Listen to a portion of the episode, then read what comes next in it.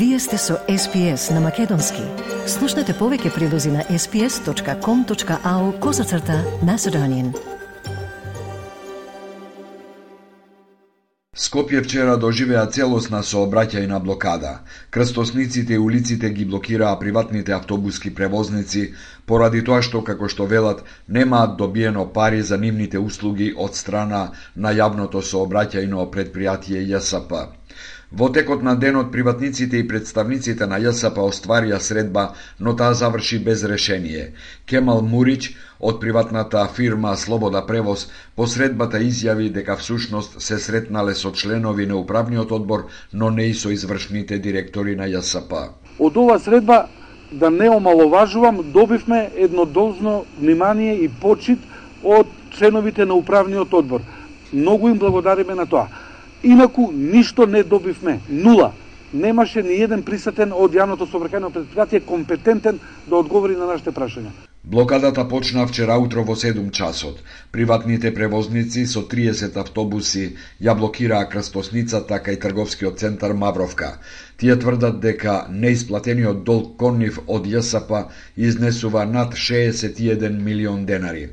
Мурич ја обвини градоначалничката на Скопје за настанатата ситуација.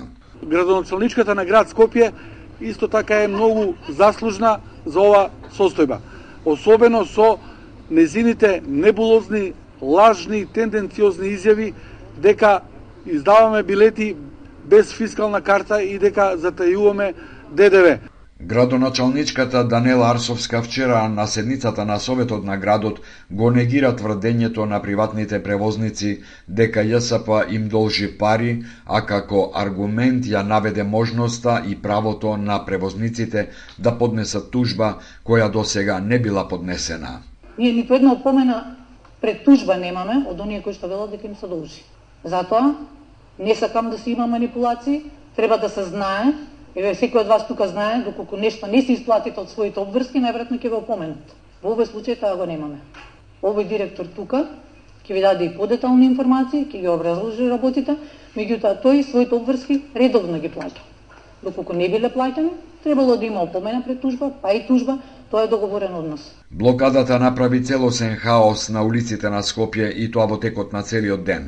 Возачите беа нервозни и одвај се пробиваа низ преполните улици со автомобили. Граѓаните чекаа со надеж дека сепак ќе проработи градскиот превоз. Од анкетата што ја направи ТВ24 издвојуваме. Чекаме автобуси со саат. Што друго да ви кажам? Ми се чини се се распаѓа во оваа држава. Па не знам, некој е управо, а кој е управо, не знам да ви кажам. Па едно 20 минути да чекам, 40 го нема. Хаосот во Скопскиот градски сообраќај трае цела недела откако приватните превозници почнаа да тврдат дека ЈСП им должи пари. Тие вчера најавија дека блокадите ќе траат се додека не се исполнат нивните барања. Вчера стигна нова провокација од Бугарија. Имено бугарскиот пратеник Костадин Костадинов, кој на отворањето на културно-информативниот центар на Бугарија во Скопје во петокот рече дека Македонија е втора бугарска држава, вчера за една бугарска телевизија изјави дека македонскиот јазик е дијалект на бугарскиот. По тврдењата на бугарските историчари по минато неделната средба на Мешовитата комисија за историски прашања дека се разговарало за статусот на Охридската архиепископија, премиерот Димитар Ковачевски пред македонските новинари вчера изјави дека Македонско-бугарската историска комисија воопшто не разговара за дефинирање на статусот на МПЦ ОА, тој рече дека е валидно само кога комисијата има консензус. Бугарската страна си дава изјави за себе.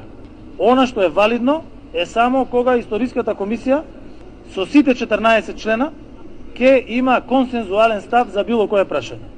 Членовите на македонскиот тим за историски и образовни прашања со разочарување реагираат на, како што велат, некоректното информирање на јавноста за темите што се предмет на дискусија во работата на комисијата. Тие упатија реакција до јавноста што ја пренесоа неколку медиуми. Во реакцијата се вели.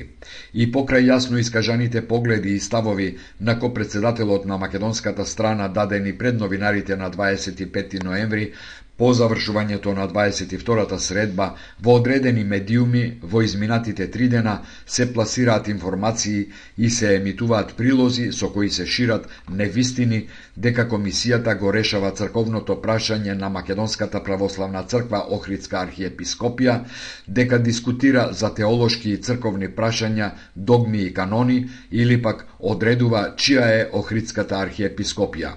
При тоа во правењето на овие прилози воопшто не е побарано мислење од членовите на комисијата, а членови на синодот на МПЦ ОА, експертската јавност, политички партии и представници на државни институции се доведени во ситуација да даваат свое мислење и да легитимираат измислена и непостоечка тема само врз основа на неточни информации и паушални заклучоци. Предмет на работата на комисијата се прашањата за представувањето на историјата на Охридската архиепископија во учебниците по историја за основно образование во двете држави, неизината улога и значењето за христијанството и словенската писменост и книжевност, а не црковно-теолошки прашања или утврдување на статусот на МПЦ ОА или пак незино дефинирање во национална смисла реагира македонскиот тим од Мешовитата историска комисија.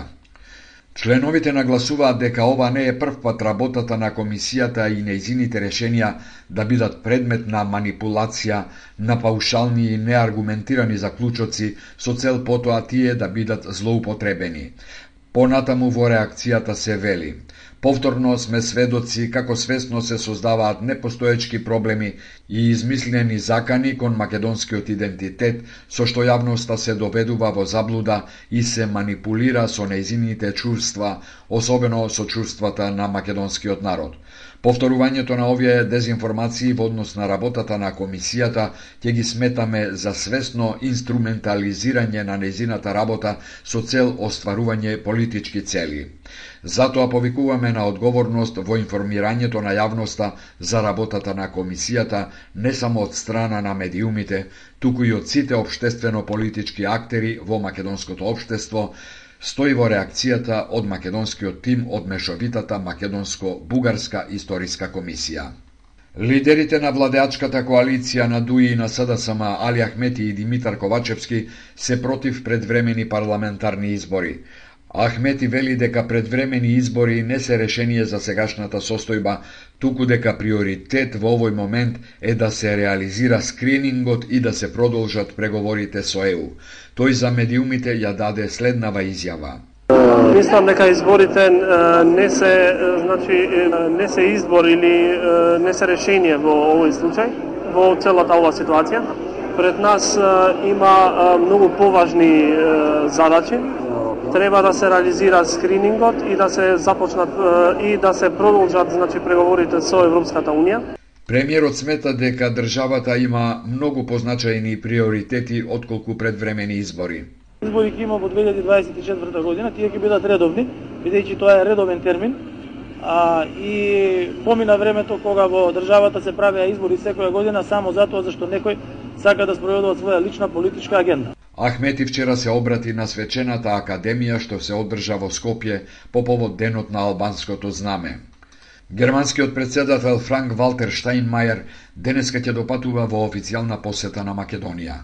На официјалната страница на германскиот председател се наведува дека фокусот на посетата ќе биде ситуацијата во регионот, влијанието на војната во Украина и тековната поддршка на Германија за перспективите на земјава за пристапување во Европската Унија.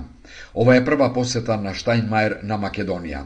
Во Скопје се планирани политички разговори денеска и утре со председателот Стево Пендаровски и со премиерот Димитар Ковачевски, а Штајнмајер треба да се обрати и во македонскиот парламент. Сакате ли да чуете повеќе прилози како овој? Слушате подкаст преку Apple Podcasts, Google Podcasts, Spotify или од каде и да ги добивате вашите подкасти.